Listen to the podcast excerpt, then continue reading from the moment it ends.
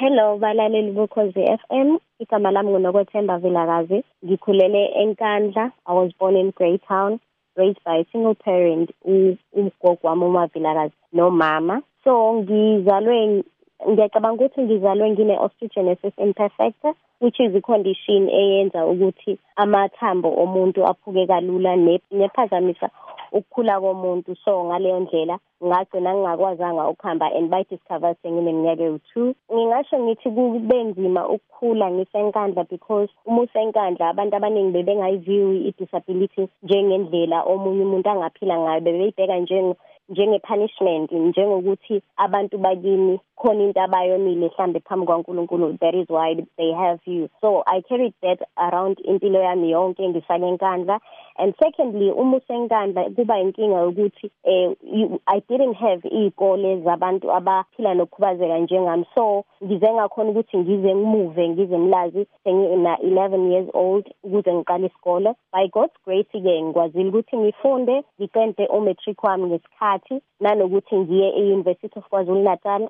ngakhona ukuthi ngikwazi ukwenza iy'fundo zami ze-cultural and heritage tourism i-bachelor of art so after that impilo iqhubekile ayifananga njengempilo yonokwethemba one-disability nongabukeki njengomuntu ophilayo right now ngiyasebenza i'm working for for my third company for a third company because sengike ngasebenza emakhampanini amabili a-professional futhi na naphambili nje e-South Africa so ngisebenza kwenye njengamanje it's a biggest biggest company.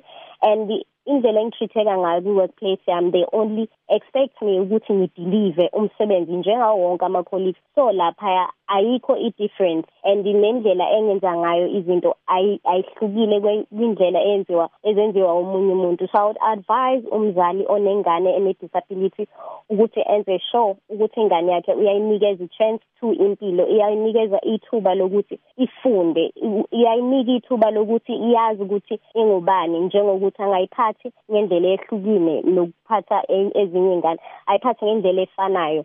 That is how my mother raised me.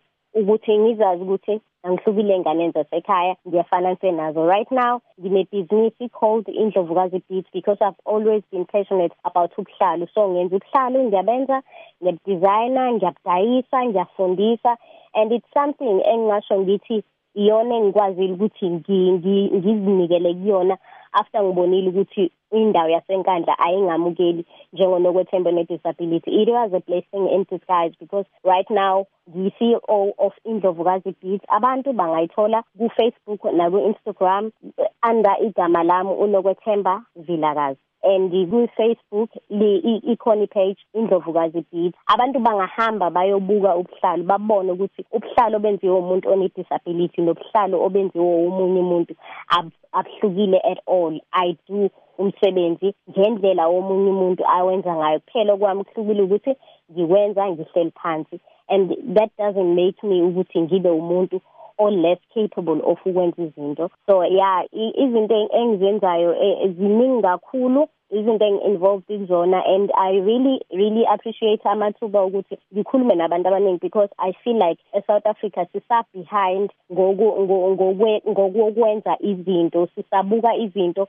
ngefiye. We need abantu abazokwazi ukuthi babuze imibuzo ask imibuzo because abantu abaningi engihlangana nabo they assume ngempilo yami ngingathokoza if bebengabuza imibuzo ukuze bazi lona okwethemba engiwuyena hayi lona okwethemba osemakhanda abo abangazi futhi lutho ngayo thank you so much for isikhathi